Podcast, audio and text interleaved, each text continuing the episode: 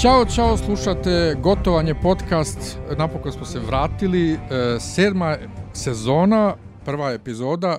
Dragonstone, ovo je združeni poduhvat, što bi rekao Haški tribunal e, podcasta Dopisi iz Disneylanda i sa Kurabaninog sajta e, Gikovača. Sa vama su danas Miljan i Isidora. Ćao Isidora. Ćao Miljane.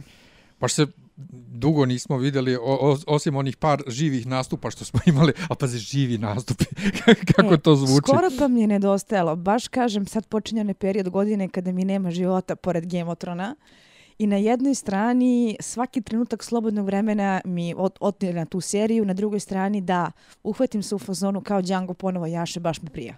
Pa meni s jedne strane e, prija što se vratila serija, S druge strane mi je e, na, mal, malo mali mi je napor u odnosu na spremanje običnog podcasta što za ovo stvarno moram da sedem i da napišem ovaj sinopsis ono redom teme i da pohvatam neke beleške šta hoću da kažem, šta hoću da primetim, ali ovaj što si ti napisala u uvodnoj rečenici e, ovaj gotovanja ove nedelje zima je stigla iako su napolju vrućin, vrućinčine na kojima normalan svet pada. E, Mislim da su napravili veliku grešku što su ovoliko pomerili ovaj e, pomerili seriju, ovaj jer ispali su iz trke za Emmy ove godine. Ne samo to, mislim da je hype pomalo presisao, da je pauza da? definitivno bila preduga. Ne kažem da nismo jedva dočekali i ne kažem da u ponedeljak u 7 ujutro kad sam upalila kompjuter nisam videla newsfeed preplavljen komentarima na epizodu koju sam emitovala te noći po američkom vremenu. Ali opet mi se čini da je tenzija popustila i da se ovo čekanje oteglo, a posebno što ga emituju baš u sezoni godišnjih odmora kada se ništa živo ne dešava. Tako da ja već gunđam što je pitanje kako ću da se organizujem za sljedeću nedelju jer sam ja sticam okolnosti na letovanju. A, a čini mi se da će možda čak i negledanost, pošto rezultati za prvu epizodu pokazuje da je oborila sve Rekord. rekorde, ali da će hype možda da im bude manji nego inače jer se ljudi kuvaju i jer prosto fandom ima tu malu letnju pauzu. Da. Ja ne znam, meni je, meni je splasnuo ovaj hype još posle četvrte sezone i peta i šesta, bilo mi je otprilike svejedno da li dolaze. Ovo sam se malo više radovao, radi šesta sezona je izvukla stvar, ali toliko smo dugo čekali da kad je došao napokon taj vikend, ja sam u fazonu, ček, pa večeras je Gemotron, ono, kao, ono, kao, ja, pa sljedeće nedelje treba snimao podcast i tako. E, učestvovala si ponovo u pripremi, ovaj, to jest ne pripremi proslavi, kako da nazovemo, promociji, promociji. ovaj nove, nove sezone. Video sam nešto na Instagramu, neko je okačio video, pa sam tebe slučajno video, ovaj, ne tebe, nego Cersi, ovaj, kod terazijske česme. Kako je bilo na ovoj vrućini u Strašno. haljini i, i to si u onoj crnoj haljini? Strašno. Da, ja sam uradila kostim Cersei baš iz ove najnovije sezone. Mislim da sam zapravo i, i među prvima, ako ne i prva u svetu koja je uradila kostim koja ne nosi u traileru za sedmu sezonu. To je s onom kragnom sa šiljcima, takozvana kragna iz proročanstva. Ove, I normalno je da su organizatori, to je Telenor i HBO Go, koji praktično time promovišu a, svoj paket, odnosno kako možemo da gledamo Game of Thrones u svakom trenutku i na svakom mestu, a, insistirali da to baš bude ta haljina jer je to najaktuelniji kostim, tako da sam ja na 36 stepeni u julu mesecu promovisala zimu koja je došla noseći kožnu haljinu i tešku metalnu ogrlicu sa šilcima. Jel da? Ali kad sam video Cersei u prvoj epizodi u toj haljini, pomislio sam, vidi, ima istu haljinu koju si Dora. Nego, ajde da, ovaj, da, da mi krenemo lagano u seciranje epizode. Kao i svaki, svakog puta ćemo jednostavno ići hronološki scenu po scenu kako je išlo u seriji. I ovo je jedan od redkih primjera da bude ono cold open. Otvaranje da bude na scena, ladno. Da, otvaranje na ladno. Dakle, scena pre uh, same ovaj špice. Volder Frey drži govor okupljenim svim muškim frejevima o tome kako sad, pošto su oni ovaj eh, vladari u brzorečiju, odnosno ne u brzorečiju, nego u rečnom kraljevstvu, kako je redi da slave redovnije, bla, bla, doneste mi najbolje vino za njih i onda ih ovaj otruje. E sad, meni su ne, spojlovali, ovaj, kad neko je napisao Winter has come for uh, House Frey. House Frey, znao sam šta će da se desi čime je krenulo, ali s druge strane, bilo je jasno šta će da se desi, jer mi znamo da je Volder Frey mrtav i da to ne može biti onda je to sigurno Arya, a s druge strane, ako kaže neko, dobro, ali mogu biti neki flashback, pa flashback ne bi imao smisla, a drugo nismo ni navikli baš na flashbackove u Game of Thrones. Flashbackove u Game of Thrones ti... mislim da bio samo jedan, on je sa srstinim proročanstvom, koji čak ni upakovan ni kao flashback, nego kao njeno sećanje. Ja, a Brenove ono što je Brenove vizije se ne računaju upravo. E, sad mi kaže, kako, šta ti misliš o toj uvodnoj sceni? Mi smo već negodovali ovaj, pit, na pitu od Fretine i način kako je Arija ovaj, odradila kraj šeste sezone i oni sad na isti način počinju uh, da nas podsjete možda Red Weddinga ili šta već, ali meni to uopšte nije bilo toliko kako ja kažem... Katarzično? Ma ne katarzično, nije bilo toliko spektakularno kako ja mislim da su oni očekivali da bude. Uh, Jednostavno, ok, rečenica koju kaže Winter came for the House of Frey je super, I super je što su se rešili svih freva jer završavaju priču, ali... Milena, ja mislim da je na delu bila uh, apsolutno onako jedna tipična instanca D&D logike koja kaže jebeš logiku, jebeš nešto što bi trebalo da bude promišljeno, proračunato, dobro objašnjeno, dobro prikovano za realnost, hajde da uradimo nešto što će da bude efektno, što će uz aplauz širokih narodnih masa otvoriti sezonu, što će onako da udovolji najširem krugu gledalaca u smislu da su Starkovi definitivno najpopularnija kuća i da je Arya definitivno najpopularniji lik. Ako se ne varam čak na nedavno objavljenoj anketi najpopularnijih likova iz eh, Game of Thrones na prvom imesu ispred Johna, Tyriona i eh, Daenerys, što je veliko iznenađenje. Wow. I a, dati Aryi priliku da bude bedestica ubica je onako a, vrlo proračunat potez gde apsolutno nije bitno koliko ta scena ima smisla, koliko je bitno kako će publika da na nju reaguje. A, to je upravo ono što meni najviše smeta u seriji, a to je ta tendencija da se sve više... Da se titra publici. Da se titra publici, da ima, se ima prati šta publika želi da dobije, kako ima. bi upravo to i dobila. Tako da je meni to onako jako zasmetalo, plus uh, nisam neki fan te ideje da je okej okay kada Arya Stark ide unaokolo i uh, vrši masovne zločine, a da nije okej okay ukoliko to čini neka druga kuća. Uh, Mm, Maisie Williams je davala intervjue u kojem je govorila kako je Arin karakterni razvoj u ovoj sezoni takav da se porevno pretvara u čudovište. Taj aspekt bi me zanimao. Vola bi da vidim da se desi nešto, nešto strašno sa Arijom, što neće biti upakovano kao badass i cool i kao nešto što treba da obraduje publiku, nego naprotiv nešto što će da gledalce užasne ali ne znam da li ćemo to dočekati. Ovo mi je jedan onako tipičan primjer fan servisa na koji ja mogu da onako kolutem očima, ali sam isto tako tužno svesna da gledalci baš to žele. Jel da. Pa, upravo si, ali doćemo još do, do dodatnog, ovaj, po meni još goreg titranja publici.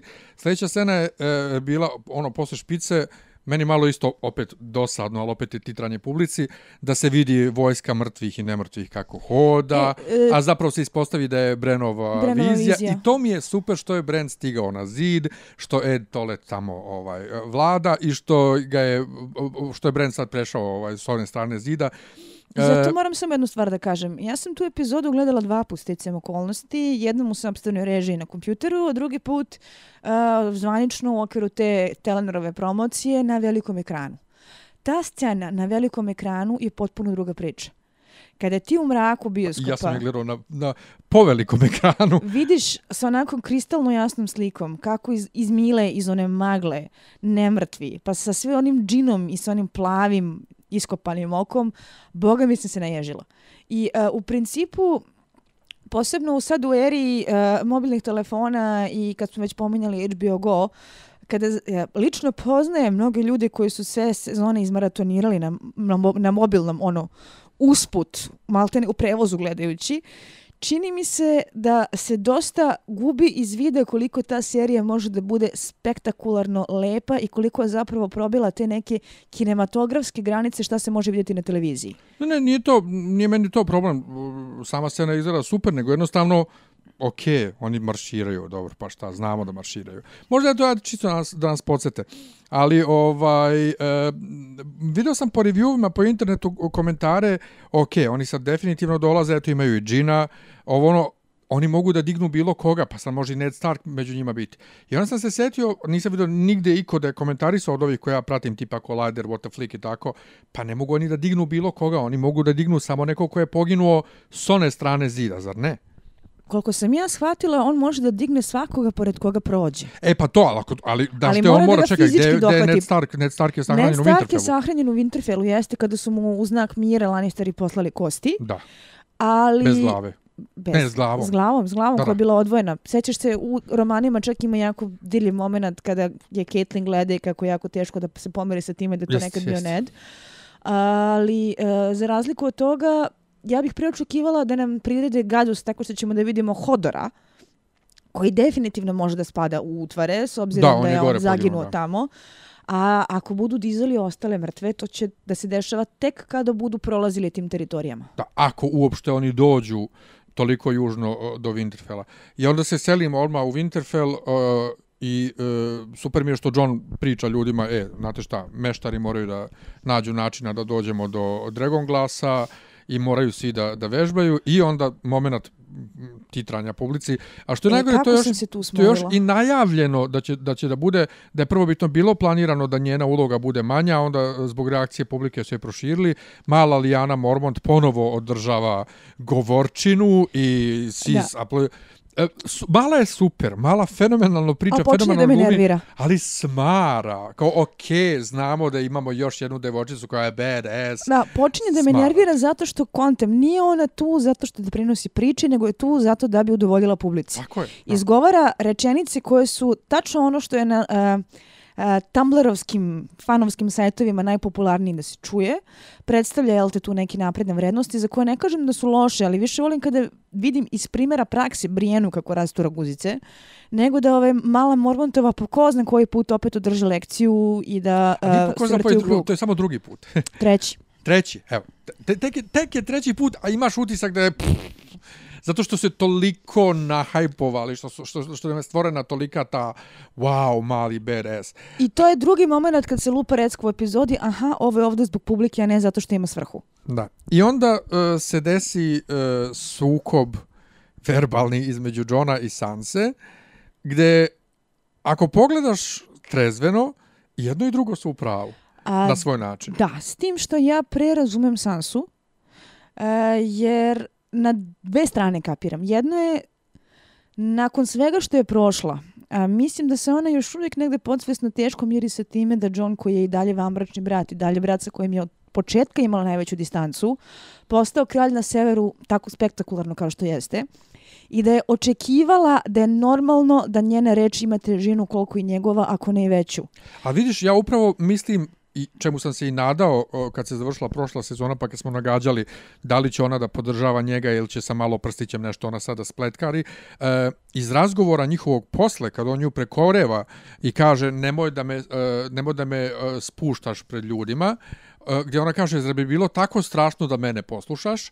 I ona njemu kaže ti dobro vladaš, ti si stvarno dobar u ovome i mislim da nećemo vidjeti neki, neki veliki razdor između njih dvoje. Sve zavisi, mislim, Sansin... Ali pazi, ima još samo koliko, još 12 epizoda. Sansin ja ne karakterni razvoj se dosta ogleda u onoj drugoj sceni, ali o tom potom kada do nje budemo došli. Šta sam ja pokupila iz ove scene, što je meni bilo vrlo upečatljivo?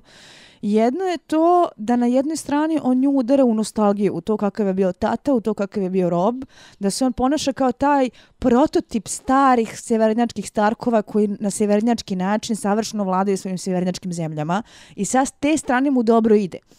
Međutim, Starkovi su se našli preduboko umešani u opšte zamešateljstvo da bi mogli da se oslaneći se isključivo na svoje resurse i svoje tradicije iz toga iskobeljaju, što Sansa kapira bolje od svih. Prvo zato što je boravila na jugu, drugo zato što je bila pod Littlefingerovim uticajem, a treće, što je meni najzanimljivije, zato što je, kako i sama kaže, jako mnogo toga naučila od Cersei. Da. Ta scena, A jesi primijetila da ima čak istu frizuru, istu frizuru. Cersei, mislim. Ta scena, uh, kada ona govori o Cersei, navodno je kritikujući, a zapravo zvuči kao da ju se divi, je meni vrlo indikativna. Čekaj, zar ne kaže beše zvučiš kao da ju se diviš? Upravo to, čak i John to primeti. Uh, meni predstavlja na, nagoveštaj da bi Sansa mogla da zaista ode na mračnu stranu. Uh, ta mračna strana ne znači nužno da će raditi protiv Starkovih interesa. Odnosno, a, možda će ona i dalje biti na ispravnoj strani a, feudalnog rata, posebno sa tačke gledišta publike, jer će dalje da se zalaže za, za Johna i za to za što on ratuje. Ali, da će biti neko ko je spreman na sve i ko je spreman da učini neke jako ružne poteze ne bi li istirao svoje. Vidi, ja se najiskrenije nadam da, da ona neće da se okrene protiv Johna, da će, da će to da ostane ovaj e, u ovom okviru u kojem je sada, jer ona njega očigledno podržava samim tim što mu kaže stvarno si dobar u ovome, ali, ali budi pametniji. Njega, budi I ona se smislu, jako e, razočarala u to kako su prethodni Starkovi prošli, koji su radili ne, ne, isto to. to. Budi pametniji i on kaže šta treba da slušam tebe, za bi to bilo tako strašno i tu ih sad ovaj, su nažalost prekinuti od, od strane pisma koje je stiglo iz King's Landinga, ali e, sviđa mi se ra, ono, ra, put kojim je, kojim je krenula ta priča, da se vidi da nema tu tolikog razloga, da njoj nije krivo što je on kralj, ona svakako nije, nije verovatno ni očekivala da će nju kao žensko da izaberu da bude, ali moram da, da, da, da, i da kažem koliko je uh, nekim ljudima na internetu smeta to zapravo, smatraju da nije baš ovaj... Um, kako da kažem, uh, verodostojno urađeno, a ja mislim da i te kako jeste, da je, je njen razvoj sad prevelik odjednom i da sad ona tako pametna i, i staložena i sve zna, Ne, ona ranije nije bila glupa nikad, ona je samo bila jako naivna devojčica. To je, devojčica. mislim, nešto što je problem Sansa Stark u knjigama i u seriji, što ljudi uporno promašuju. Sansa nije glupa, Sansa je samo naivna. Da. E, ali sad više nije naivna. Upravo. I super je, i sviđa mi se, ako će ona uh, Johnu da predstavlja tu kontratežu, da ga, da ga podsjeća tata i Rob su bili kao, kao, kao Starkovi starinski i vidi šta im se desilo. E sad samo da se nadamo da John neće biti taj koji će ovaj, da, da zajebe da, stvar. Meni se čini da bi ona mogla da postane uh, Johnov čovjek za priljeve poslove. Pa to, odnosno da ona zapravo vlada iz pozadine, da ona bude neka vrsta kraljeve, uh, kraljeve uh, ruke. Uh, da sam imao još nešto... Pa ne, budi pametniji, onda dođe pismo i e, on kaže Lannisterovi ne mogu ovako na sever da dođu, a ona ga podsjeća, e, znaš šta, ja znam Cersei, ona ako si joj neprijatelj, pa ima da te ganja do kraja sveta. Tako da vidjet ćemo šta će bude i odmah se selimo u ovaj u King's Landing ona ona ona mapa je stvarno super. Fenomenalno. Naj, najveća najbolja mapa za za riziko ono na svetu. Ono je fenomenalno i cijela ta scena kada se slika mapa je vrlo pečatljiv setting za za King's Landing i za taj razgovor koji sledi. E, što se tiče razgovora, mm, ja sam malo razočarana. U šta? E, taj razgovor je bio jako isforsiran i pun ekspozicije. Imam utisak da nakon onakve drame sa kojom su nas ostavili u prošloj sezoni, sa onom neprijatnom razmenom pogleda kada ono sjedi na tronu, a on dolazi i zatiče da je njegova voljena sestra, ljubav njegovog života, uradila sve ono što je ura, e, pretio da će da uradi ludi kralj, zbog čega ga je ubio. Očekivala se da će to da bude malo, neću da kažem burnije, niti teatralnije, ali sadržajnije. Pa dobro, mi znamo da je Jamie manje više papučar on nju obožava i to je to. I da on postaje osoba za sebe tek kada ga odvoje od nje. To ali, on je, ali ona je grozna prema njemu. Ona je stvarno prema njemu grozna. Ova, I ono podjebavanje, uh, o, kad on kaže nismo ne razgovarali o, tem, o tome, ona je fazonu, e, on je mene izdo, neću da pričam o mrtvima. Meni to prezvuči kao pranje sobstvene savjesti. Dobro, to svakako, ali, ali ne mora takva da bude, da što ne očekuješ da bude takva prema Jamie-u. Znaš, ne očekuješ da i prema njemu bude tako, ajde da bude prema, prema A, ostalim. Mislim ali... da ona nikada nije razgova razmišljala o Jamieu kao osobi za sebe, nego prosto kao o nečemu što je uvijek tu po defaultu i što uvijek služi njoj kao ventil po defaultu. Uh, da, mislim da je scena bila bolje izvučena glumački nego uh, scenaristički.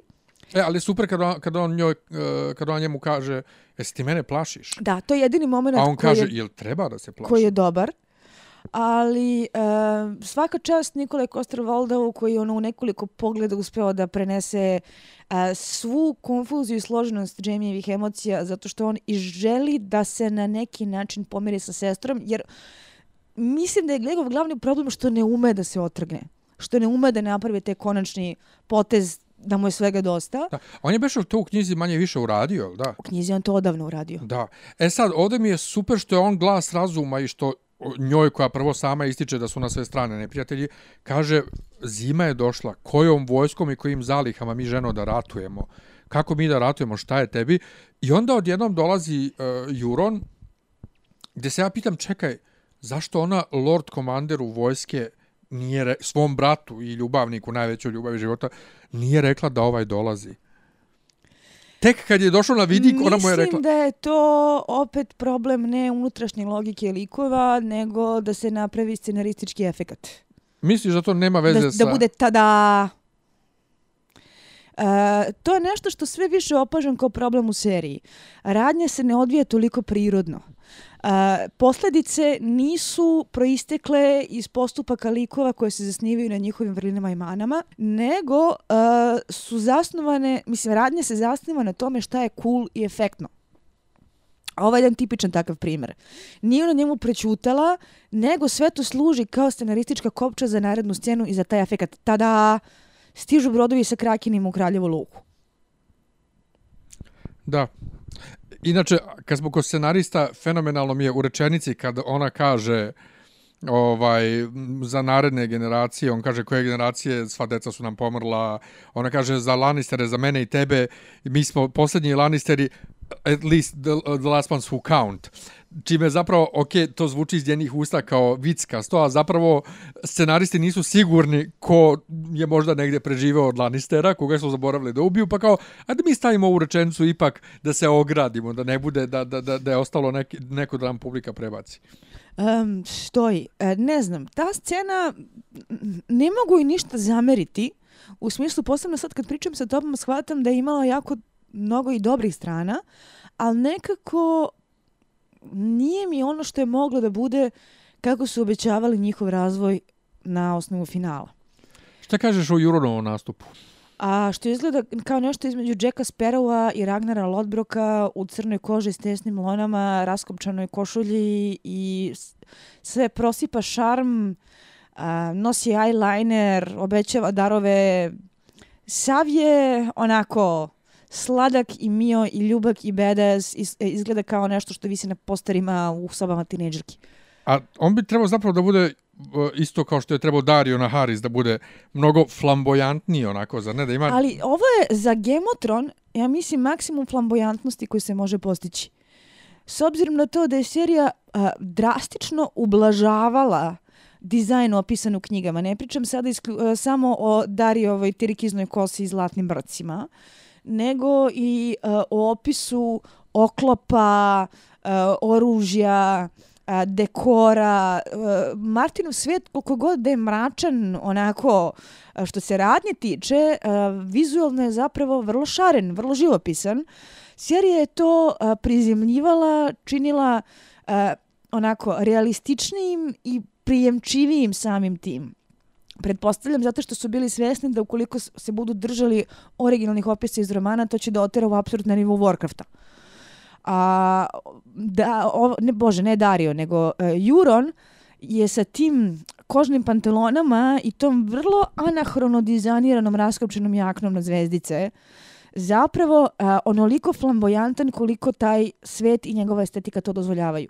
I mislim da je taj njegov makeover užasno upadljiv užasno upadljiv, da uh, smo ga videli kao jed, još jednog od uh, smeđih čoveka u smeđoj odeći sa smeđom bradom, kako se pojavio u prošloj sezoni, a sad odjednom ima taj upečatljiv dizajn koji prosto ono zove cosplayere da krenu da eksperimentišu. Jel da?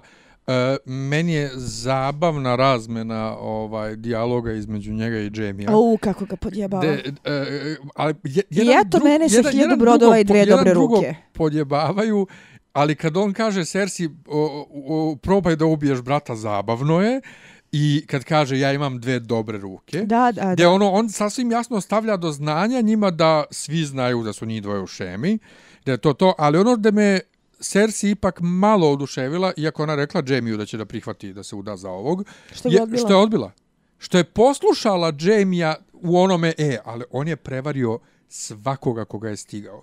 I što sada ona očekuje neki dokaz, mada ja i pored bilo kakvog dokaza ne bi i dalje čovjeku verovao. Ja čovjeku e sad... ne bi dala nacetenu ovosu da čuva, ne radi se o tome. Uh, sam njegov onako uh, uvod u seriju prošle godine je bio mislim mnogo više mlak nego ovo što smo videli ovoga puta. Ovo je bila jako upečatljiva scena. Uh, Eh, moram priznati jednu stvar i negdje mi se čini da ću ovo da mi se onako olupa o glavu će pojedin svoje reči. Eh, znam da su ga oni najavili kao nekoga ko je psihotični sadistički manijak, jer očigledno Game of Thrones ne može da funkcioniše ako nema jednog psihotičnog sadističkog manijaka po sezone. Imali smo Joffricu, imali smo Remzija, sad moramo da imamo Jurona. Uh, ovaj Pilu Esbek je davao izjave po kojima će Remzi da izgleda kao malo dete, odnosno na ono što će Juron da uradi, ali meni je on harizmatičan i simpatičan. Dopao mi se. Ne znam kako će da ga voze, ali dopao mi se više nego što sam spremna da priznam i mislim da je osveženje u seriji. Sa sve time da je još jedan u nizu jednodimenzionalnih negativaca, barem je zabavan u tome. Šta misliš, e, šta je tačno poklon koji on obećava? Ja sam zamišljao Tyrionova glava. Uh, znam spoiler, mogu da glava, kažem. Pa nemoj da kažeš spoiler, pravi se da nagađaš. Znači, Tyrionova glava, Daenerysina glava, e, Elaria Sand, Uh, Ili ljudi nagađaju da će možda da joj donese nekog zmaja, pošto on ima onaj rog, pa smo morali zapravo, da kažemo ne, ali on rog u seriji nema. nema. Jako me čuti da ljudi uopšte nagađaju. Mogu bi da ga izvuče iz rukava, međutim, pored ovako malo sad koliko je ostalo vremena, sumnjam da će da ga izvuče Jako me e, čudi da ljudi uopšte nagađaju zato što se radi o nečemu što čak nije ni jedan od onih kreditorskih spoilera koji su možda tačne, možda i nisu, nego je reč o procurilim fotografijama sa snimanja što će reći da je crno na belo da će to da se desi. Aha. A to je da se radi, ajde da ne spoilujem totalno, o tome da joj sa mašnicom izručuje osobu koja je direktno odgovorna za smrt jednog od njene dece. Pa, dobro. Svakako jedna, onda to je svakako jedna od osoba koje sam, koje sam sada naveo. Jesi naveo si tu osobu? Ovaj, ne znam, ne znam, ovaj, ali, ali nisam oduševljen e, e, idejom da bilo kakav poklon bude znak poverenja. Ali dobro. A, sa time koliko je Cersei na jednoj strani labilna, na drugoj strani fakat jes volila svoju decu i kako je pod ovim konkretnim okolnostima to dete nastradalo, ta vrsta poklona može da mu, ne vjeruje da će da mu kupi baš poverenje, ali može da mu donese neke žešće poene. I selimo se u stari grad, gde Sam ima fenomenalnu montažu. Tebi to bilo fenomenalno, ne, ne, meni se stomak prevrnuo. Tehnički je fenomenalna montaža. Ja nisam mogla da jedem posle toga. Odvratno je za gledanje i neko je rekao negdje da je jedna od najgadnijih scena ikad snimljenih u seriji, a koja pritome ne, ne sadrži nikakvo ubijanje, nikakvo silovanje, ništa nego Sema kako čisti ovaj ove kako se zove noćne guska guska. guske one starih meštara i kako sipa onu one kak... brown gulaš. Kašasti brown gulaš. Da. Ovaj na, na engleskom stew i na nemačkom ima reč koja koja bolje odgovara koji bi nema recimo ajde gulaš ali je e, prvo što je scena bez muzike što je sama muzika ritam uh, ritam uh, ribanja. ribanja vode i ovaj njegovog uh, njegovog kada će povrat ali to toliko fenomenalno izmontirano ja i onda kad, slažem kad se zanatskim kraju, dostignućem ali da samo da ti kraju, kažem da nisam mogla dogadnuti sličan oblik tanjira i sličan oblik guske da ti na kraju ne znaš šta je šta.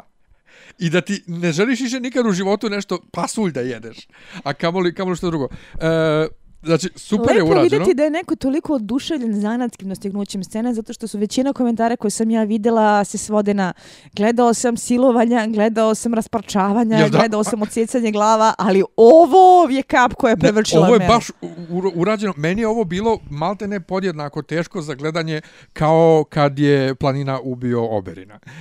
Da. Znači, podjednako gadno, kao, za, ka, zašto? I onda shvatiš pogotovo ja koji sam bio iskušenik kratko vrijeme u manastiru, da je to neophodno običnom gledaocu da shvati da kad odeš na takvo mesto koje je faktički manastir, nije sve sediš i učiš iz knjiga i napreduješ jer si pametan i tako. Ne, ti moraš da čistiš WC, da pojedeš mnogo govana, bukvalno, da bi dostigao tamo nešto. I onda, kad je e, radio ovu obdukciju ovaj, sa ovim e, arhim, Profesorom arhim, Slaghornom. arhimeštarom, po glasu meni poznat čovek, ja kontam, to je neki meštar kojeg smo ranije vidjeli, ali sam ga ja zaboravio, kao, ne, to je profesor Slughorn iz Harrya Pottera, što znači da bi, da će on verovatno igrati neku malo veću ulogu ove sezone. A, pa mislim da je on takozvani veliki gostujući karakterni glumac za ovu sezonu. Pošto da? obično imamo jednog po sezoni. Jel da?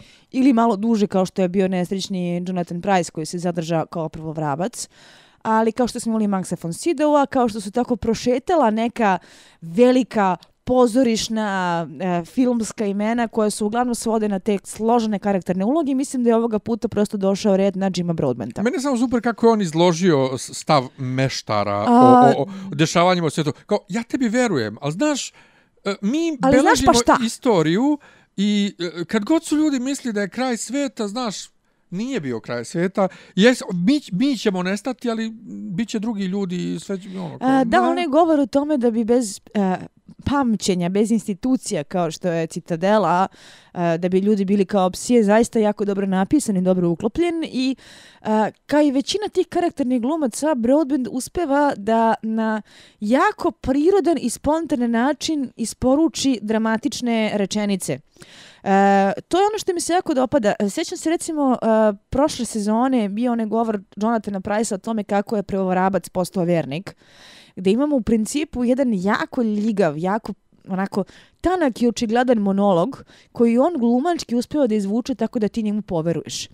I Broadmet je upravo takav, sa rečenicama koje su dramatične i teatralne, a koje on onako nonšalantno izgovara kao nešto što zaista zvuči da čovjek može da kaže u razgovoru, uspeva da tome daješ veću težinu. Mene kod američkih reviewera nervira povlačenje paralela ovaj sa Trumpom i Amerikom i ne znam nija šta, jer je jedina očigledna paralela sa Amerikom u seriji to što je Daenerys Amerika, a koju oni ne vide, ali ovaj um, to što Broadband priča o, o čovečanstvu bez institucija pamćenja, zapravo bez obrazovanja, pogađa današnji svet i današnje stanje čovečanstva kako, kako, kako se Eh, kako ljudi misle da znaju, a ne znaju i, i kako se znanje, odnosno neznanje širi kad imamo pristup svim živim informacijama. Tako da, s te strane mi je super paralela ovaj, sa današnjim svetom. A ovaj bilo mi je malo uh, smešno kad se pominje ovaj zabranjena sekcija u biblioteci i koju i vidimo Potter, a koja isto isto znači... potpuno kao Harry Potter, znači profesora iz Harrya Pottera koji ne samo da je on prešao iz Harrya Pottera, nego je doveo sa sobom i zabranjenu, zabranjenu biblioteku. biblioteku. Ali uh, vraćamo se u Winterfell I jedna slatka ovaj scena gdje Briena uči Podrika da se tuče i Podrik svaki put ovaj pogreši i ovaj dobije batine, a onda naiđe Tormund koji onako sa svojim širokim kezom gleda u Brienu, koja njega vidi, očigledno se zbuni, Podrik je udari, ona ga nabode. I premlati, ni krivog ni dužnog. Nabode ga i on padne i kaže Tormund da to Blago tebi, momče. e, znaš šta je interesantno? Što sam tek nedavno saznala čitajući malo više o produkciji serije. E, u izvornom scenariju za prošlu sezonu, a, samo u onoj epizodi kada jel te ove, a, Brijena i Sansa dođu do zida na kome je Tormund i kad sjede za onom večerom, pa kad on nju, a, kako su snimili, gleda kao Bata Živojnovica, sad ću da te karam u izvornom scenariju trebalo da samo razmene poglede i ništa više od toga i da kaže Tormund gleda kao da nikada ranije nije video takvu ženu. A, Christopher Hivju, koji igra Tormunda, je krenuo da se zajebava zato što je shvatio šta mu je dato u ruke kao potencijal i da to onako gura do maksimuma. A Gwendoline Christie je onda ukapirala i krenula je da uzvraća ona scena kada je isto tako ove Brijene iz Jahue, kada je ono onako miga značajno, ona koluta očima i okreće glavu. To je čista improvizacija. Ništa toga nije bilo u scenariju, ali je prosto zaživjelo kao kanon zato što su se oni dobro zabavljali. I e, ja isto tako mislim, s obzirom na količinu mimova i fandomskih orgazama koje je e, ta zebanci lansirala, da je i ovo još jedan primjer čistog fanservisa. Pa jeste. S tim što... A, moguće da se malo pristrasna, ne smeta mi. Ne, ne smeta mi zato što mi nije previše nametljivo. Ne, ali nekako je prirodno da ona završi sa divljakom. Jer su divljaci navikli na džinove, na, na ono slobodne žene, velike, jake. Ajde. Mislim da je glavni faktor toga uh, činjenica da je ta hemija proistekla iz lične inicijative glumaca i da se oni sami dobro zezaju s tim. Da. Meni je inače drago, se vratimo samo na onu prvu scenu u Winterfellu, što se ovi severnjaci sad posle sve bitke i posle svega ne bune što John šalje divljane da brane zid, odnosno da ovaj To popune... čak i kaže, sad smo mi noćna straža. Da, to, to, mi, to mi je fenomenalno. E, ali po meni, ja mislim, i najfenomenalnija razmena dijaloga u cijeloj epizodi, Sansa i Littlefinger. Ono je fenomenalno bilo. Gde ponovo tu nema Johna, dakle Sansa tu ne mora da se dokazuje pred Johnom. Gde ti vidiš koliko je Sansa napredovala i još veći dokaz da je ona uz Johna, kad on nju, on, on nju nešto maže, a ona ga onako djebi ih kaže, nemojte da se trudite, da, da pokušate da uzmete zadnju reč, ja ću jednostavno da pretpostavim da si htio da kažeš nešto pametno. Uh, Fenomenalno. Uh, gde je meni postaje iskreno žao Sanse koja je sad bila ono, tučena, mučena, sečena, pečena, ali nikada me televizijska verzija nije toliko kupila kao u ovoj epizodi. Uh, gde je ona rastrzena između Johna, koga očigledno podržava, jer ona je ipak patriota severnjakinja u duši, ali za koga isto tako vidi da je sklon da napravi svaku baljezgaru i svaku glupost koju su pre njega napravili Ned i uh, Rob, a znamo kako se to završilo. A na drugoj strani Littlefinger, koga ona ne želi da sluša, koga je ona prevazišla, koji je se gadi, koji je užasava i za koga zna da je laže i maže, ali sve što on govori dalje ostavlja neki trag. I to mi je super. E, mislim da je ta scena možda najbolja ilustracija koliko je ona jadna sama u svemu tome. Pa, kad su severnjakinje drugačije, mislim, ona je Sersina škola, ali mi je drago što i njega postavila na njegovo mesto, samo se bojim da se on njima ne osveti zbog toga, jer ne treba da zaboravimo da e, igru prestola zapravo igraju Littlefinger i Varys. Naravno. I to znamo od one, e, od one... razgovora o, o haosu. I, Nisam sigurna. Mislim da Littlefinger malo marginalizovan kao lik i da je uprošćen. Da. Da se to posebno osjeća sada uh, u uh, šestoj i na početku sedme sezone. Deluje kao da ne znaju šta, šta će s njim. Upravo to. Ne bi me čudilo da gvozdena metla proradi uskoro. Misliš da njega slone? Da. Pa...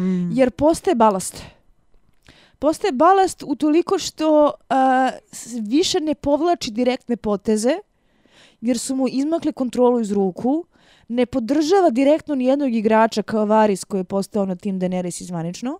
Pa dobro, mada on to i u knjizi i u seriji U knjizi smo... on je kni, trenutno tim Egon.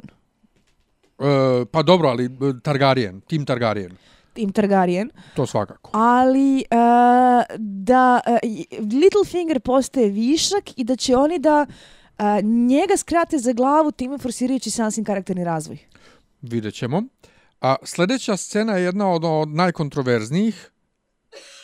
Ed Sheeran. Ja nisam znao da će on biti. Ja nisam znao da će on biti u, u ovoj epizodi.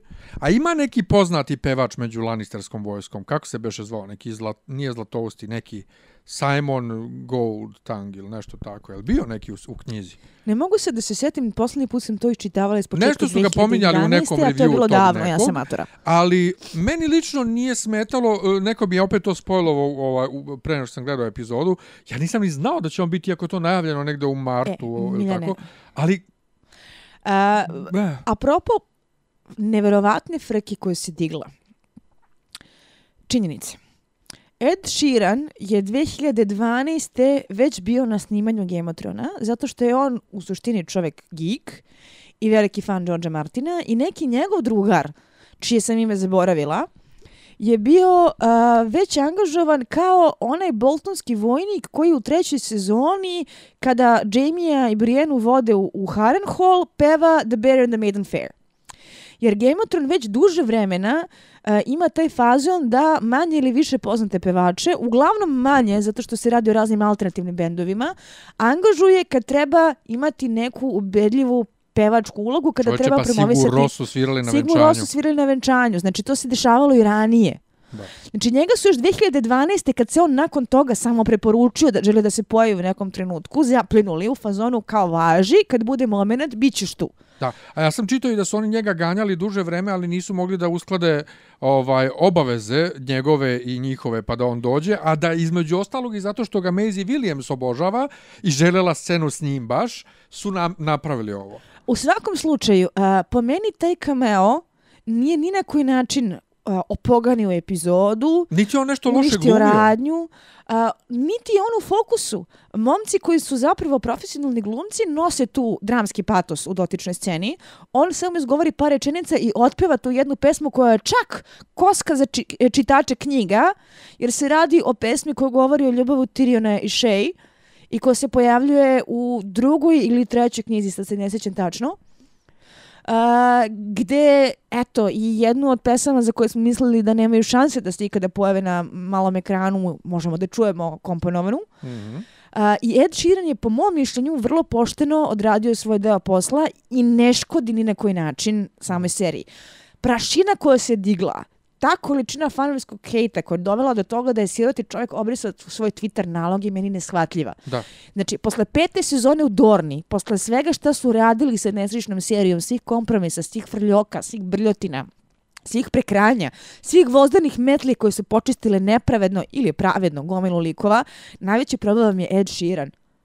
Pa jebo vas ljudi. I, I to kao, kao užasno, katastrofalno loše glumi ne vidim uopšte ne, šta je katastrofalno u odnosu na neke koje gledamo godinama. Dakle, uopšte nije bio strašan. Znači, bolje glumio od Emilie Clark, ako mene neko pita. Ja, pritom, e, pritom Ed Sheeran, uh, uh, kad se prihvati ovako nečega, on to stvarno pošteno odradi. Sjetite se samo uh, I See Fire pesme iz ovaj, drugog Hobita. Mislim, čovjek je geek i čovjek, ono, ako se prihvati tako nečega, stvarno lepo odradi. Ono što je meni pak u samoj sadržini scene zabavno je prvo, prvi put u seriji da neko naiđe na neke vojnike u šumi, a da ovi ne žele odmah da ga ubiju, siluju, šta već da mu rade, nego naprotiv sede i pričaju o tome da imaju porodice. I što je prvi put da čujemo da vojnici pominju da oni imaju porodice, da imaju roditelje, da imaju živote mimo toga što služe. Po crvenim plaštovima je jasno da su lanisteri. Zabavno mi je kako ih Arya prvo odmerava, i gleda im oružje i kako bi mogla ih pokolje sve, a onda kad krene priča o porodicama i tako to, ipak se i ona razmekša. A, ja nisam sigurna šta da mislim u toj sceni. A, na jednoj strani sama za sebe je jako dobra. Uh, dijalog je pošteno napisan, ima nekoliko preslatkih momenta, ne znam da li mi je simpatičniji one mukice koje je sam pravio kupinovo vino ili oni drugi koji se nade da mu žena rodila čerku zato što čerke ostaju sa očevima, a sinovi idu da ratuju tuđe ratove. Upravo, upravo. Ali na drugoj strani, uh, gde mi je problem sa scenom? Čini mi se da je suviše nasilno umetnuta i to ne pričamo kameo Eda Širana nego o tome da služi jednoj svrsi, a to je da Arija nauči važnu životnu lekciju o tome da je neprijateljski vojnici mogu da imaju dušu i dobre namere i da budu, budu pristuni ljudi koji, e, kojima nedostaju njihove mame i tate. Dobro, ali služi tome da saznamo da Arija ne ide kući, nego da je krenula u suprotnom smeru. E, to sve stoji, ne znam, e, na jednoj strani apsolutno kontam zbog čega je scena dobra, Na drugoj strani, mislim da mi je nekako... A, znaš kao ono kada imaš puzzle, pa imaš neke delove koji ti se čini da na prvi pogled pasuju u određeni deo pazla, pa kad ih prisloniš ne možeš tako lako da ih uklopiš, ali ako ih dovoljno pesničiš, možeš da ih uteraš. E, mislim da je ovo malo uterano pesničenjem, jer... A, razumem da su oni hteli i neku paralelu sa onim čuvenim Broken Man dijalogom, koji, o stvari monologom, koji je jedan od najupečetljivijih delova koje je ikada napisao George Martin.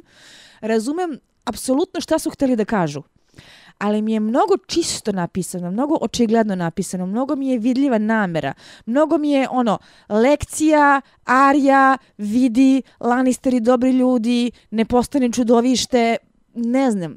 A, vraćamo se na to da a, mi je ukupan problem da mi radnje više ne deluje prirodno, nego da mi se čini da se scene malo previše forsirano tematski uklapaju u željeni karakterni razvoj likova i ta scena mi je baš primjer za to. Pa dobro, ali ovo ostalo mi e, prva epizoda u, u, ovaj, u, u, u, u sezoni i ona uvek služi da se manje više nasilu likovi postave ovaj na, na polje pa da se dalje razvija. Mene razočarava što Arija ne ide kući, što ide dole da ubija. S druge strane, njen razvoj lika do sada da ona postaje faceless man i ne znam ja šta, zapravo e, opravdava to da ne ide kući, jer ona nije, ona je, ona je vuk samotnjak, ona ide da izvrši svoju misiju i ona je dobra kao kao taj e, neočekivani faktor koji ide i ubija, koji nije deo neke armije, koja može da pokosi neke neprijatelje. Momak koji igra Brena je imao jednu jako zanimljivu izjavu e, zato što je rekao da on ne želi da se Starkovi ponovo sretnu.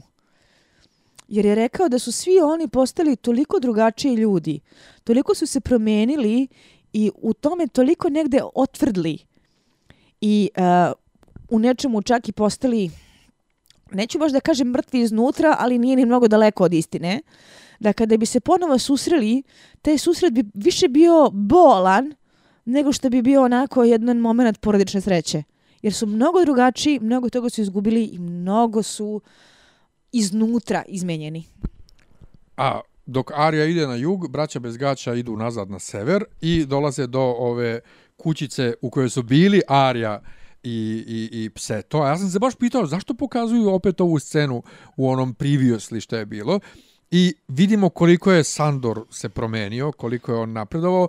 Uh, samo ću reći, ovo je, ovo je bila prozivka čisto za fanove knjiga, jer je Grobar. Toros od Mira je ovaj u knjigama Ćelav ovdje ima kosu i to je bilo dosta komentarisanja u ranim sezonama kad sam prvi put pojavio on bi trebalo bude ćelavo ono kad njemu kaže pseto ne verujem ćelavim šta već ovaj, ne možeš nikog da prevariš sa tom faktički perikom koju nosiš znam da si ćelavi ko a vidite te prozivke. Nije bilo samo to, bilo je kopanje groba.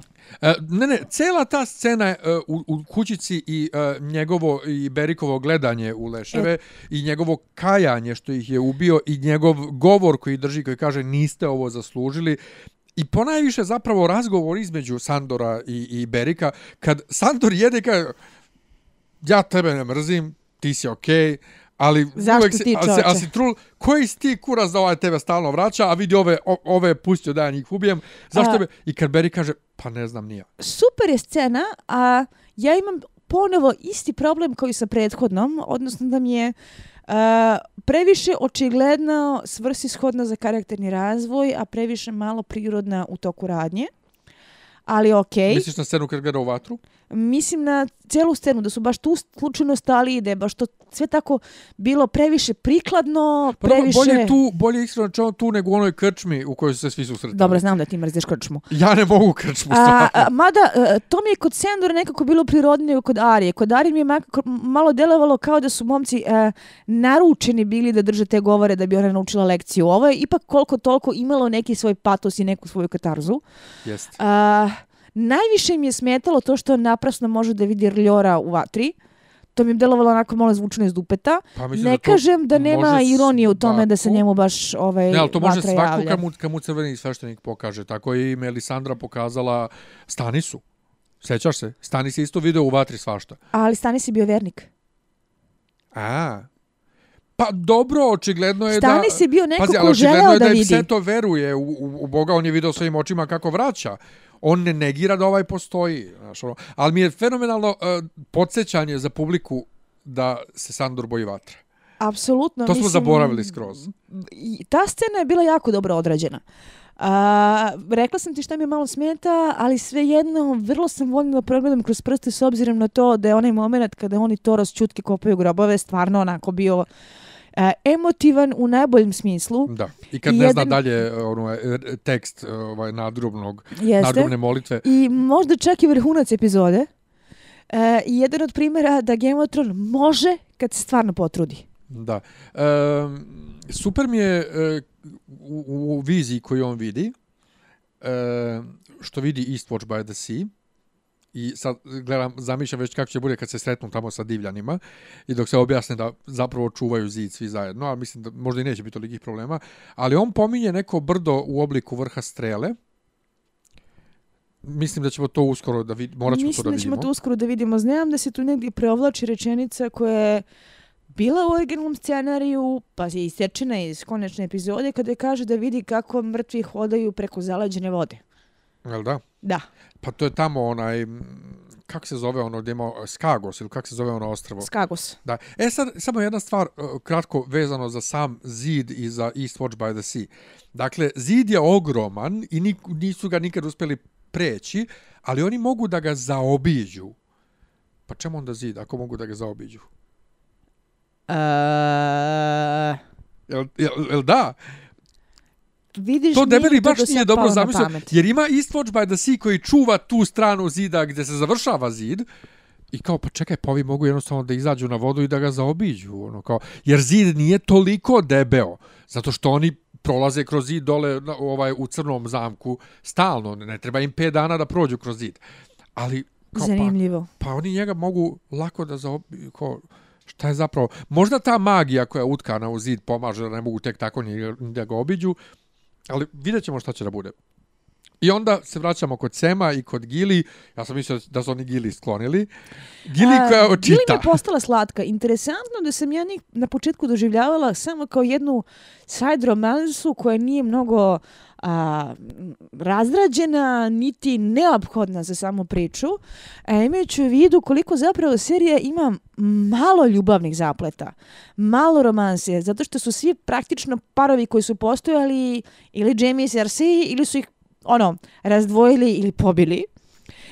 To da su Sam i Gili postali uh, najstabilniji i najzdraviji ljubavni par serije nešto govori i moram priznati da nisam očekila da ću tako navijeti za njih. Da, ali oni nepretenciozno su predstavljeni, kao je to jednostavno matori bračni par. On radi po ceo dan i noću još uči, a ona kaže idi spavaj. Meni je ono bilo jako slatko. Uh, sama scena je bila glupo predvidiva, u toliko da nam je odmah bilo jasno da će onda lapite ključeve i odmah je bilo jasno da će onda se dočepat Harry knjiga. Potter je I uh, uvek mi je imbecilno u tim serijama kada, ili filmovima kada neko tako nasumično uzme knjigu iz biblioteke gdje na trećoj strani ima odgovor za sva svoja pitanja. Ja. Pa, restricted section. Ali, Zato je restricted. Malo je mnogo namešteno, malo je mnogo predvidljivo, ali jebi ga. Jel da? A, Šta misliš o tome što je ispod Dragonstona ima toliko dragog pa glasa. Pa to ima smisla, to je čak i Stanis rekao jednom trenutku. Jeste, to, to, to i Sam kaže, rekao mi je Stanis.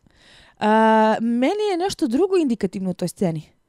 Uh, ne bih to provalila sama, ali hvala Bogu, e, zato imamo bodež? zalodne ljude na internetu. Ne ni bodež, nego tekst koji se nalazi na stranici pored te mape sa zaokruženim mestom gdje je Dragon Aha. Glas, a koji se odnosi na to da se Dragon Glas koristi za lečenje one nesrećne kamene bolesti. E, to smo znali. A, Sad ne mogu setim da li smo znali iz serije ili iz ne knjiga. Ne sjećam se da li smo znali iz serije. Ali u knjigama se to negde znalo. A, ima smisla zato što ako je Širin jedan od redkih slučajeva gde su uspeli da zaustave bolest, naravno zato što se za Boga nalazi na ono 300 metara od izvora da. Dragog ne, ne, negde, ne, sad kad kažeš negde sam definitivno znao za to da li je serija, da li je knjiga, ali uh, su ljudi isto primetili da je nas, da kad ovaj lista knjigu, ima one bodež, na sliku da. bodeža koji ima uh, dršku od zmajeve kosti, a to je onaj bodež iz prve sezone koje mi je napadnut Bren. E, za bodež bodež nisam sigurna koliko treba da bude plot element za budući razvoj, a koliko je više easter egg. U smislu, vidite, eto, ponovo se javlja taj bodež. I, i on je mnogo star.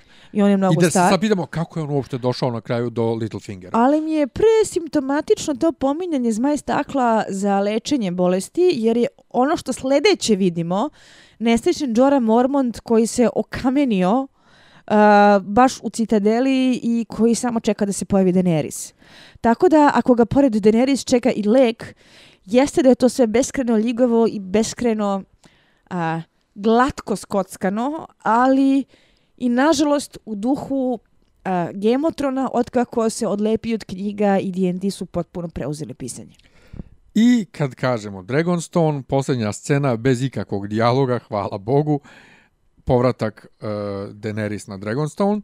Uh, moment kad ona klekne da uzme malo uh, peska u ruku, neki revieweri kažu, možda se ona seća kako se igra na plaži kao dete.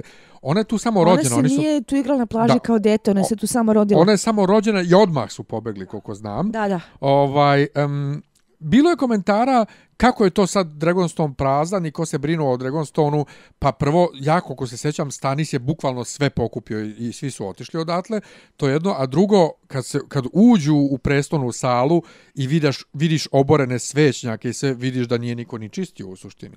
E, da, meni malo jeste previše prazno, jer kad čitaš kod Matorog. Uh, Dragonstone je bio pun nekih lokalnih stanovnika, bio jedan gradić u podnožju, bilo je tu jako mnogo populacije. Jeste, za koju ali u, sumnjam u knjigama da bi, u seriji je uvek bilo drugačije. Za koju sumnjam da bi Stanis baš mogao tako da je pokupi ode.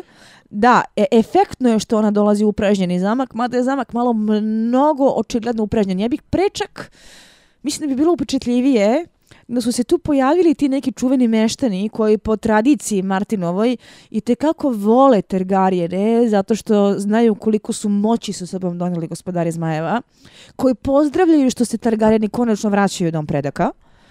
Ali ovako jeste, e, zanimljivo je kad ona dolazi u prazan zamak. Međutim, uh, to sam baš i napisala u gotovanju, meni je od cijele scene neopričljiviji jedan detalj koji uopšte nema veze sa Daenerys. A to je kada ona prilazi uh, Stanisovom baneru i baca ga u prašinu. Uh, taj moment pada te zastave, uh, taj njih zgađeni pogled, uh, ta ideja da je Stanis onako glupo zatučen, da je cela ta linija radnje brutalno zatrta i da od kuće Barateona više nema ništa, to mi je onako bilo negde baš, baš dirljivo i baš tragično tragičnije možda od mase uh, realnih ono smrti. Tragičnije možda čak i od same Stanisove pogibije iz pete sezone. Taj pad barjaka u fazonu više vam ni zastava nije ostala, me onako drmno negde emotivno. A beše i u uh, Storm's End isto nema nikog više, da? Od barate ona. Nema. Nema zato što su to Renlijevi bili koji su te relovi poveli sa sobom. Da, dakle, definitivno su uh, ovi barate oni gotovi. Barateoni su zvanično potpuno istrebljeni, isto kao i Tarelovi, zato što ovde nema a, braće Bilasa, a, od e, Lorasa i Marjorie da, i samo, samo Lena je rekla da nema nikog osim nje. E, meni scena onako, mislim, bila nekako, neka usiljena radosna drama i sve, nije mi ništa posebno bilo, e, ali ne čudi me što je prazno, jer rekoh, E, nije u seriji predstavljeno isto kao u knjizi da tu ima i koga. Naprotiv, da tu samo Stanis živi sa svojom malom poslugom i ovim e, vojskom koji je imao kod sebe i koje je provremeno spaljivao kad mu Melisandra naredi. E, zabavno je kad ona uđe i stoje prašnja ona, i, i sve i samo kaže shall we begin, mislim. Ne znam. Nisam Vraćamo toliko oduševljen ono. bio tim krajem ne, epizode. Uh, ja Daenerys ne volim i vrlo sam glasna u tome da ne da. volim. Uh, mislim da nam je negde namešteno da navijemo za nju. Jer su svi simpatični likovi na njenoj strani. I Varys, i Tyrion, i Baba Tyrell, i čak u krenju i nesrećni Teon i sestra mu. Da su stvarno sve karte složili tako da se su sad negativci grupisali na jednu stranu sa Cersei i Euronom, a pozitivci na druge dve koje će očigledno biti primorane da se rađaju. Da, apropo vremena koje protiče u putovanju koje ne vidimo, Varis je smršao. Svaka njemu čast na tome. A, ali... Ej, gde su to traki? Oni s njom nisu izašli iz brodova. Nisu izašli iz brodova. Izašli su samo ovi imenovani glavni likovi. Jel da? A, ne znam. A, sa onim izrazom lica i onim targarijenskim crveno-crnim odorama više mi je ličilo na Viserisa nego na nekog na, za koga treba da navijemo. Jel da? I, ja se i dalje nadam, ali malo je vremena e, ostalo. Da će da bude Mad Queen. Da. Ja se jako nadam tome, ali se bojim da nismo mi te sreće. Ne, zato što je Cersei već jedna Mad Queen, ne mogu biti dve. Upravo to, uh, ono što smo se nadali prošle sezone da se pakuju karte za Daenerys, pakovali su se za Cersei, ona je dežurna Mad Queen, verovatno će ove sezone da zaglavi. Napravili su inače e, paralelu, ovaj kontru, prethodna epizoda je počela uh, ono dugačka scena bez dijaloga. Ova se uh, epizoda završava dugačkom scenom bez dijaloga, samo sa muzikom i dramom. Dramom, kad kažem dramom, mislim glumom, ovaj, ne mislim na dramu kao ne, neko histerično dešavanje.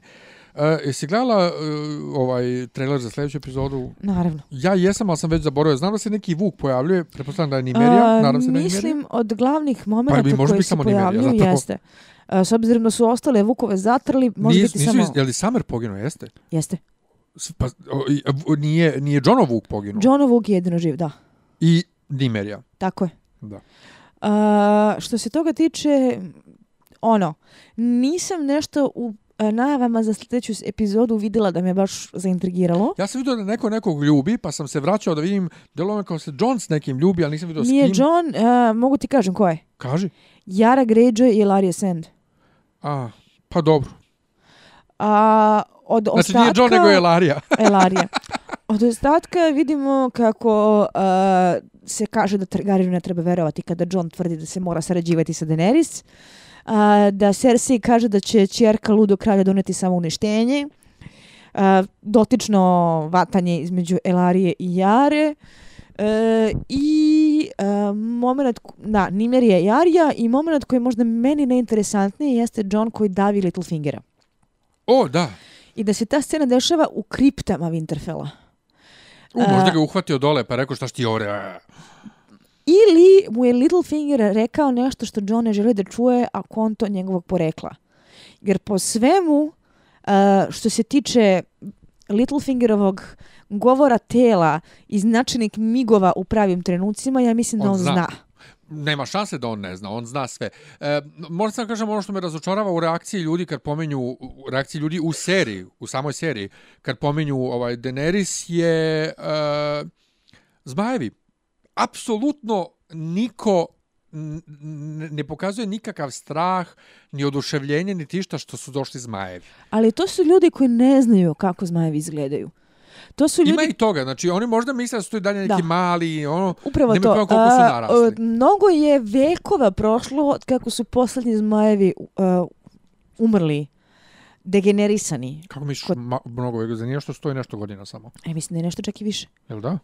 Pa Sto... nema vred 300 i nešto godina ima samo od kako je Egon došao. Ali oni su se uspešno istrebili u prvi stotina godina. Aha, pa dobro, dve, najveći, dva veka. Uh, najveći broj zmajeva je zapravo stradao u plesu zmajeva čuvenom.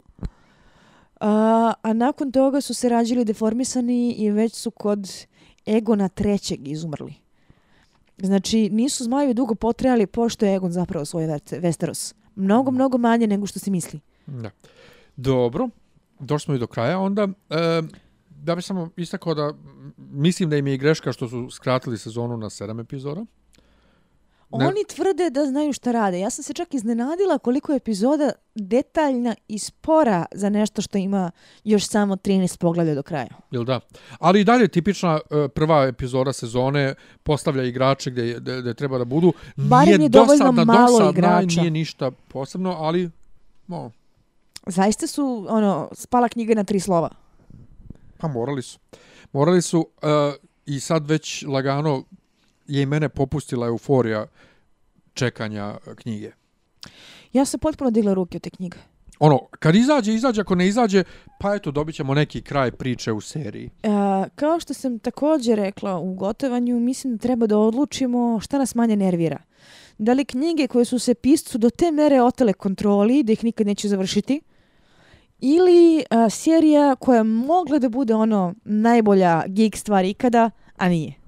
Pa pazi, e, mi smo stalno govorili, e, pogotovo e, za četvrtu sezonu i, i petu, koliko je i bolno vidljivo kad njih dvojica sami pišu, bez knjige. Sad se to isto jako gadno. vidi. E, vidi se, ali, ali su se u šestoj sezoni već mnogo popravili i ovde su isto, dobri su, u odnosu na četvrtu i petu sezonu. Iako je i peta sezona dobila Emmy za najbolju seriju. A, ne bih da ureknem, e, ne bih da ih previše hvalim u napred. A, osjeća se, a, naročito zato što sam ja, kako HBO sada vrteo reprize ranih sezona, pred premijeru sedme imala prilike da uhvati malo prve ponovo i kada vidim te dijaloge, te scene, i to pritom neke scene i dijaloge kojih nema u knjizi, ali su zaista napisane toliko u Martinovom duhu da izgleda kao da se to zapravo desilo među likovima samo kad mi nismo gledali. I kada vidimo koliko je sada sve mnogo pojednostavljeno i prevoliniskije, vidiš koliko je serija zapravo izgubila na kvalitetu. Ništa, hvala vam onda što ste nas slušali. E, sljedeće nedelje ili ćete slušati mene i Sofiju i možda Nemanju, ili ćemo čekati da se Isidora vrati pa ćemo da odradimo jednu duplu epizodu. Koristim svoje ljudsko pravo da odim na letovanje negde gdje nema interneta, iako su neki fanovi gotovanja već pokrenuli peticiju da mi se kupi internet kartice kako slučajno ne bih propustila termin. Pa džaba, kad nemaš tamo gdje da gledaš, verovatno. Verujem da bi smislili način da mi da tu epizodu. zamolili bi HBO da ti dostavi ovaj streaming da, da možeš da ogledaš. Uh, hvala Isidora na druženju. Nema na čemu, veliko mi je zadovoljstvo. Toliko dugo nisam radio nikakav podcast, ne znam više ni da odjavim. U svakom slučaju, pratite nas na Gikovači i na Faceu, na Soundcloudu, iTunesu, YouTubeu, gdje god stignete. S vama smo narednih sedam nedelja u ovakvom ili onakvom sastavu. Budite dobro, čao. Ćao. Slušate podcast od Dobri Divica Zdanje i Rasim kako neki vid zvuči. Pa boku, ali sam je fali popi, popi rabin, ono, da ulaze u, u kafan. Ključ je. Ne, ja sam sliku. Zamereno mi je kao... Dopisi iz Disneylanda.